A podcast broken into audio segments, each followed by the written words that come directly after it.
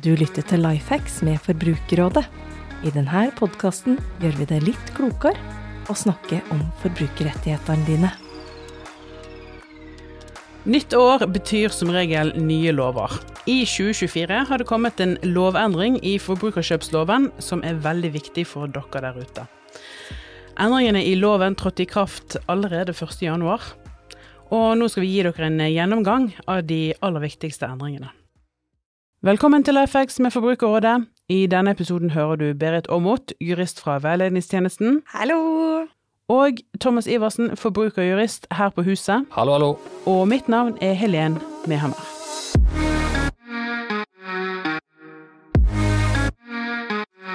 Før vi går i dybden, så lurer jeg på om eh, dere kanskje kan si litt om hva forbrukerkjøpsloven går ut på? Ja, så det er jo loven som regulerer eh, ganske mange av de kjøpene vi gjør, da. Når man eh, kjøper en vare eh, fra en næringsdrivende, så er det forbrukerkjøpsloven som gjelder. Så typisk, du går og handler i en butikk, og forbrukerkjøpsloven regulerer da de rettighetene du har i forhold til både levering, hva du kan forvente, og hvis det skulle være noe galt.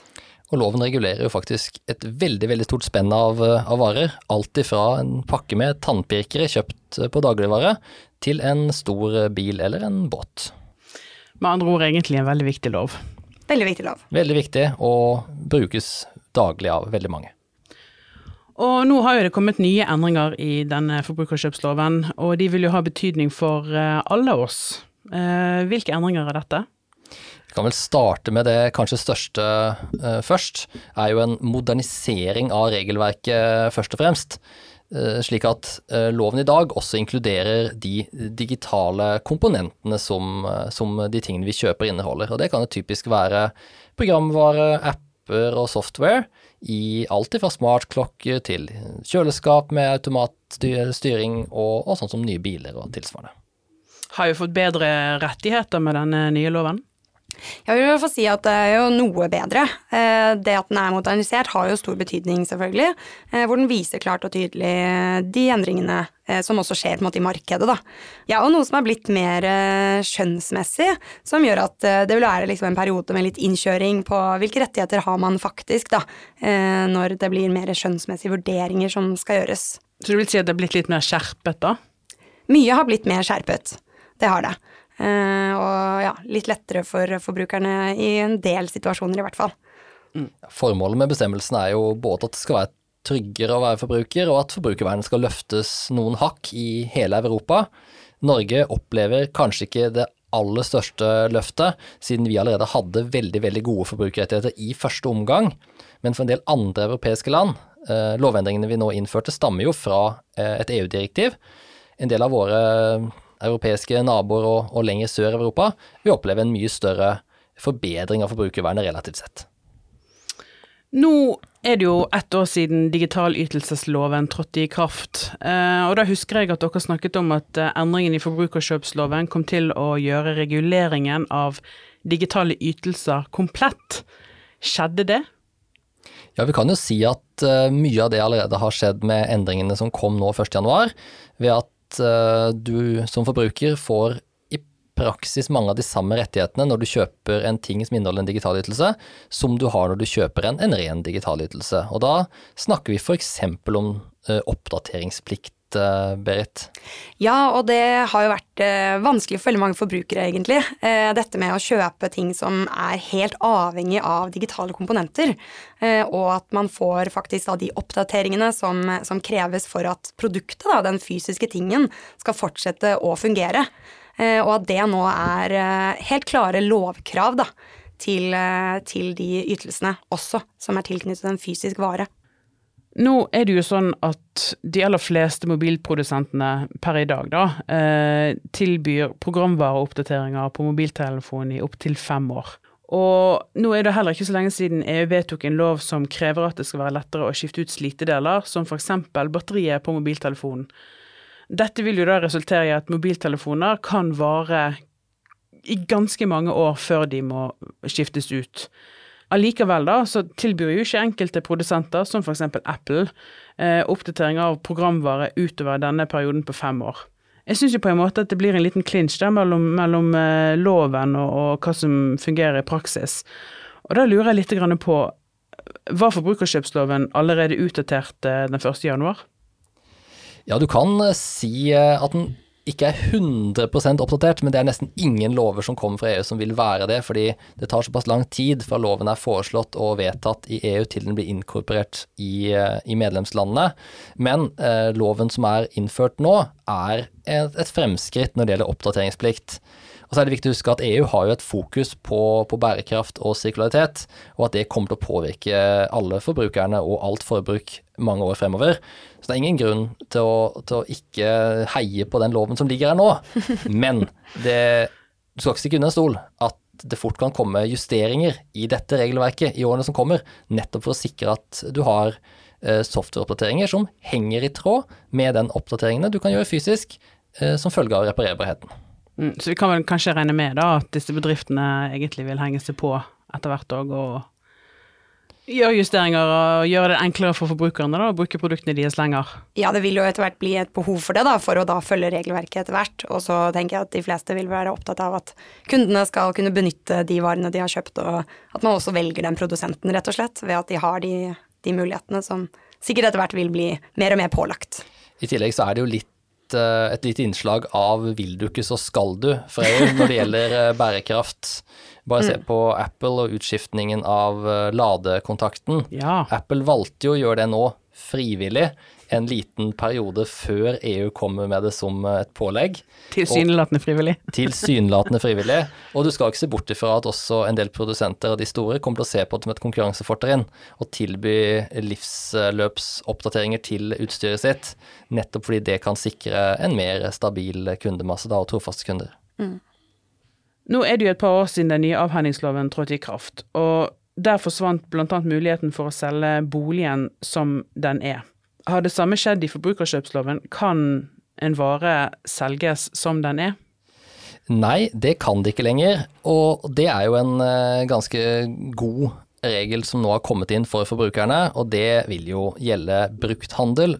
Og særlig sånn som biler, båter, MC og tilsvarende, der et såkalt som den er-forbehold tidligere flyttet eh, en del av ansvaret over på forbrukeren. Så her uh, tror jeg det kommer til å være tryggere og enklere å handle brukt i fremtiden. Men det er jo fortsatt sånn at selger kan ta noen forbehold. Og hvis jeg har lest riktig i loven, Berit, så står det at forbrukeren skal eh, akseptere eh, disse forbeholdene uttrykkelig og særskilt. Og jeg har ikke funnet noe særlig i forarbeidene som sier om hvordan det egentlig skal gjøres. Nei, det har ikke jeg heller, og det kan jo bare spekuleres i hvordan man skal gjøre det på en best mulig måte, men trolig så vil det jo da bli slik at da må man faktisk spesifisere disse og disse tingene er ikke på en måte sånn som man kunne tenke seg at det skulle være på, på en ny ting, da, eller disse tingene er faktisk problemer, eh, og som også da må gjenspeiles både i pris eh, og hva man eventuelt har av rettigheter videre.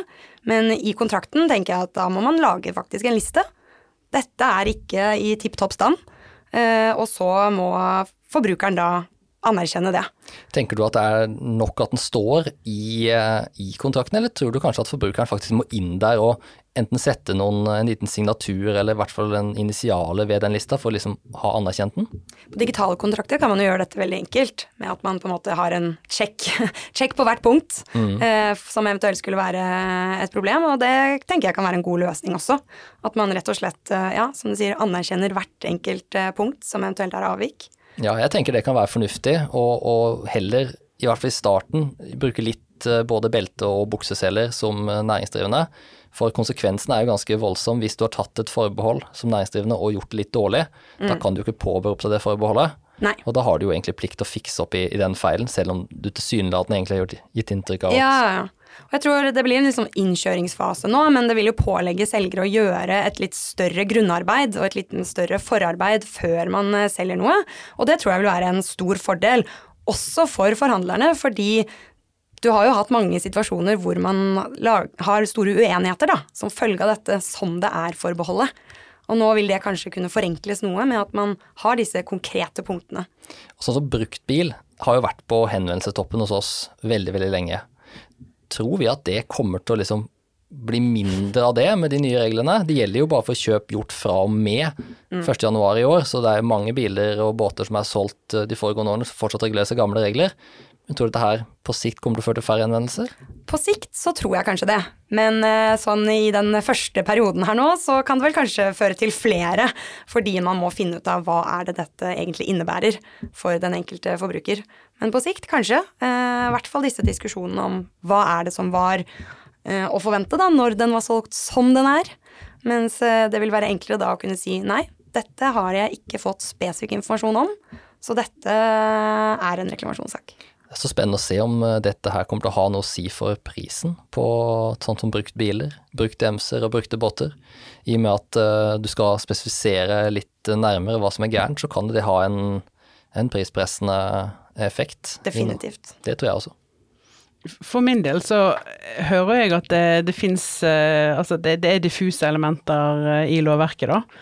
Det første jeg tenker på er jo at er det en mulighet for at enkelte saker kan ende opp i, i Høyesterett? Det har jo vært uh, saker etter uh, den uh, gamle forbrukerkjøpsloven som er endt i Høyesterett. Vi har hatt et par saker som har gått dit. Og der har Forbrukerrådet, i noen av de i hvert fall, vært involvert som partshjelpere. Og de sakene har lagd god og nyttig presedens som har blitt brukt frem til nå. Så det er ingen grunn til å tro at det her kommer til å gå helt uten behov for rettsavklaring. Men det kan også komme rettsavklaringer fra andre europeiske land som vi må være obs på, Mm. Og det, det, vil også kunne ha direkte betydning for, for, Norge.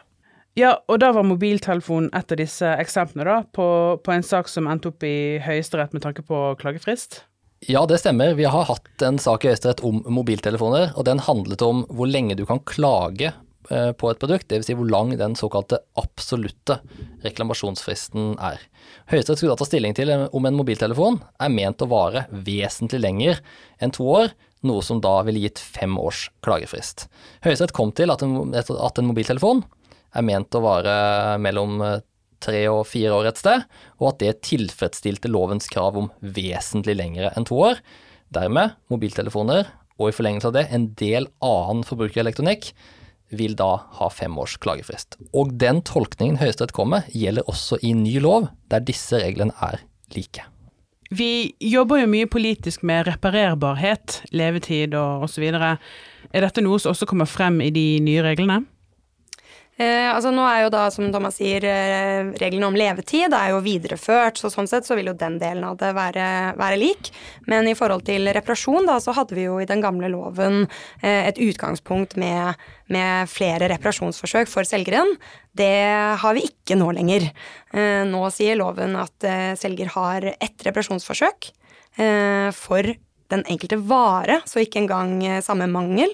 Men, så det vil jo være da en begrensning av selgerens eh, anledning til å reparere. Men uh, vi vil vel tro at det ikke kommer til å ende opp slik at det alltid kun er et reparasjonsforsøk, siden uh, der har jo forarbeidene gjort det klart og tydelig at det skal være en vurderingssak om det allikevel skal tillates flere reparasjonsforsøk, og da hvor bærekraft særlig er uh, et av hensynene som skal tas. Det er jeg enig i, Berit, og det er jo litt skjønnsmessig den regelen som er kommet nå. og Vi har jo allerede fått litt respons fra bl.a. elektronikkvarebransjen som var litt uh, usikker om dette her kom til å føre helt galt av sted. Men da har jo Forbrukerrådet allerede i høringsrunden til den nye loven vært tydelig på at uh, miljø- og bærekraftshensyn åpenbart må inn i denne vurderinga her. I tillegg så er jo, som du sier, Justisdepartementet veldig tydelig på at uh, det ikke skal mye til for å selge for å reparere en gang til. Men det henger jo også sammen med at produkter skal kunne repareres, mm. og ikke bare skiftes ut. For vi vet jo i dag at veldig mange næringsdrivende velger å skifte ut produktet istedenfor å reparere det allerede ved førstegangsfeil. Ja. Og da har det jo egentlig ingenting å si om du har ett eller to forsøk, når du allikevel tar inn produktet uten å reparere det. Ja, og så tenker vi jo at uh, det vil jo et, uh, være et bærekraftsteg også. At uh, dette vil jo gjøre at produsentene må lage mer holdbare produkter. De får ikke anledning til å reparere like mye som før, selv om de kanskje heller ikke har gjort det. Men da er det jo det som på en måte er bærekraftsteget. at produktene må faktisk bli hold mer holdbare. Og så må det her ses i sammenheng med det vi snakket om for et par minutter siden, nemlig at det er jo en, eh, et initiativ i EU til å sikre at produktene både blir eh, lettere å reparere og rett og slett holder lengre. I tillegg til at det også er diskusjoner om man skal innføre obligatorisk levetidsmerking på produkter. Typisk at et produkt skal definere vanlig bruk, og hvor lang tid det skal vare minst ved den typen, den typen bruk. Mm. En annen ting som ofte er vanskelig, det er jo å finne ut hva som er galt med det du har kjøpt. Eh, enten det er en mobiltelefon eller en bil. Eh, jeg hørte dere snakket om bevisbyrde og endringene der. Hva er egentlig de endringene? Ja, vi hadde jo i den eh, gamle loven en uh, omvendt bevisbyrderegel, som det så fint heter, hvor det var selgeren som hadde bevisbyrden for uh, om noe var en mangel eller ikke, de første seks månedene. Så hvis du kom og sa at det er noe galt, så var det selgeren som måtte bevise at dette ikke var en mangel de første seks månedene. Nå er dette utvidet til å gjelde i hele to år. Slik at det vil gjøre det enklere for forbrukeren, for den må ikke da etter syv måneder selv bevise at denne feilen er en mangel. Og det er jo en eh, ja, ganske stor fordel for forbrukerne. Det er det, og her har Norge brukt uh, ytterrammen av det det underliggende direktivet åpner for. Uh, direktivet som ligger til grunn for endringene, sier at du må minst ha seks måneders omvendt bevisbyrde, noe vi allerede hadde i Norge. Uh, men at landene kan velge å utvide til inntil to år. Så det er positivt at Norge valgte å, å legge seg på ytterramma her. Og, og igjen så er vi da helt fremst i skoen når det gjelder å ha gode og dekkende forbrukerrettigheter. Vi nærmer oss slutten, og da lurer jeg litt på om det er noen andre endringer som våre lyttere bør eh, være klar over? Det kan være greit å nevne at det har blitt eh, innskjerpede regler for garantiavtaler. Hvor eh, alt av markedsføring av garantier vil gjøre at det må gjelde det som markedsføres eh, om garantien, det er gjeldende. Du kan ikke bare måte, putte noen vilkår inn i en, inn i en garantiavtale og, og, si at nei, men dette er, som, dette er, det som, gjelder. Hvis du har brukt noe som et slags kjøpsoppfordring eh, ved å friste med en god garanti, så, så må det også gjelde for forbrukeren. Og det er egentlig en veldig nyttig og viktig regel, fordi det gjør, gir deg en direkte konsekvens av at eh, selgeren velger å blåse opp markedsføringa litt. Grann, og, og, da har du faktisk rettigheter basert på den store skriften som står i reklamen. Ja. Eh, og så har vi fått en mer skjønnsmessig da, vurdering av eh, kravet til låneprodukt. Som man tidligere nesten alltid hadde krav på hvis uh, den tingen du selv skulle få reparert, uh, var borte i en ukes tid. Men uh, nå så må det vurderes litt mer om, om, man egentlig har krav på det. Ja, det er egentlig en litt sånn steg tilbake. grunnen til at det blei sånn, er jo egentlig at retten til låneprodukt er en særnorsk regel som vi har hatt i, i vårt regelverk fra før vi blei EØS-medlem. EØS og den kunne vi beholde i den gamle forbrukerkjøpsloven, men med den nye så ble det vanskelig å beholde en sånn konkret regel. Men da valgte lovgiver til slutt å få inn noe om det likevel.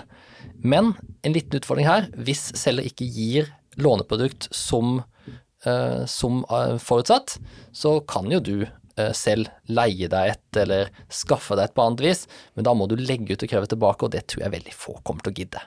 Ja, så det er nok en litt, eh, litt, dårligere for forbrukeren enn det vi tidligere hadde, men, men mulighetene er der fortsatt, da, heldigvis. Her kan jo næringslivet også være best i klassen, ja. ved å gi låneprodukt som i gamle dager. Ja.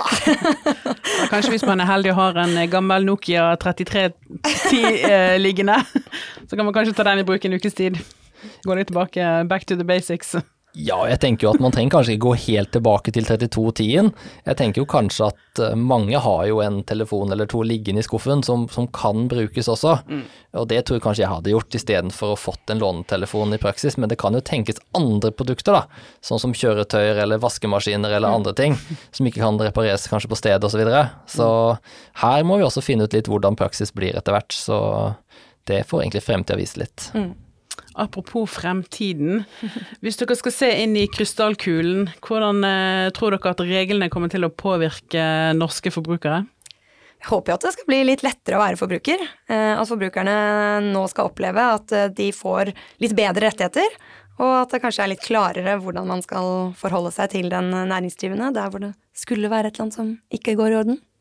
Ja, og vi forventer jo at bransjen også følger de nye reglene på en uh, etterrettelig måte, og tar de på alvor for uh, kjøpa som skjer nå i år og utover. Jeg har vært ute og holdt presentasjoner for ganske mange forskjellige bedrifter og, og foreninger det siste halvåret om ny lov, og jeg opplever at det er en interesse og en vilje til å følge reglene, men så må vi jo prøve å finne ut litt av det samme nå hvis det skulle vise at dette her blir vanskelig. Mm. Med håp om en eh, god og bedre fremtid. Så absolutt. For ikke å snakke om en mer bærekraftig fremtid. Ikke minst. Vi runder av med fast post fra veiledning. Hva har du å fortelle i dag, Berit? Jo, i dag så har vi en innringer som eh, var leietaker, og nok en gang hadde opplevd at eh, utleier låste seg inn i leieboligen. Hun hadde klaget på dette flere ganger, men utleieren svarte bare at det var hans hus, og han kunne gjøre som han ville. Veilederen ga jo informasjon om at det her har ikke utleier rett til. Den som leier, har enerett til bruk av boligen, og utleier kan bare komme inn når det er avtalt med leietaker. Uh, utleier har heller ikke rett til å ha nøkkel hvis ikke det er avtalt, og leietakeren fikk da råd om å kreve å få ekstranøkkelen fra utleier, og hvis ikke så kunne hun bytte lås. Leietakeren ringte tilbake noen uker senere for å takke så mye for det rådet hun hadde fått, og fortalte at eh, utleier hadde gitt tilbake nøkkelen når hun hadde sagt ifra at hun kom til å bytte lås. Eh, men det viste seg da at han hadde gitt henne feil nøkkel, og at det var nøkkelen til utleiers bolig. Hun hadde da gått til han, låst seg inn og skrevet en lapp hvor det sto Nå kan du kjenne hvordan det føles selv. Dagen etter så lå nøkkelen i postkassen og med et brev med en unnskyldning. Så der var uh, leietaker som slår tilbake, rett og slett. ja, med ganske hard kraft òg. Eh, det viser at det er bra å slå hardt i bordet. Gå litt hardt mot hardt. Det, det høres ut som det løser seg denne gangen, da, forhåpentligvis. ja, forhåpentligvis. Takk for at uh, dere tok turen innom studio, Thomas og Berit. Og takk til deg som hørte på. Husk å abonnere, så får du beskjed når det er nye episoder å høre. Takk for at du hører på Lifex.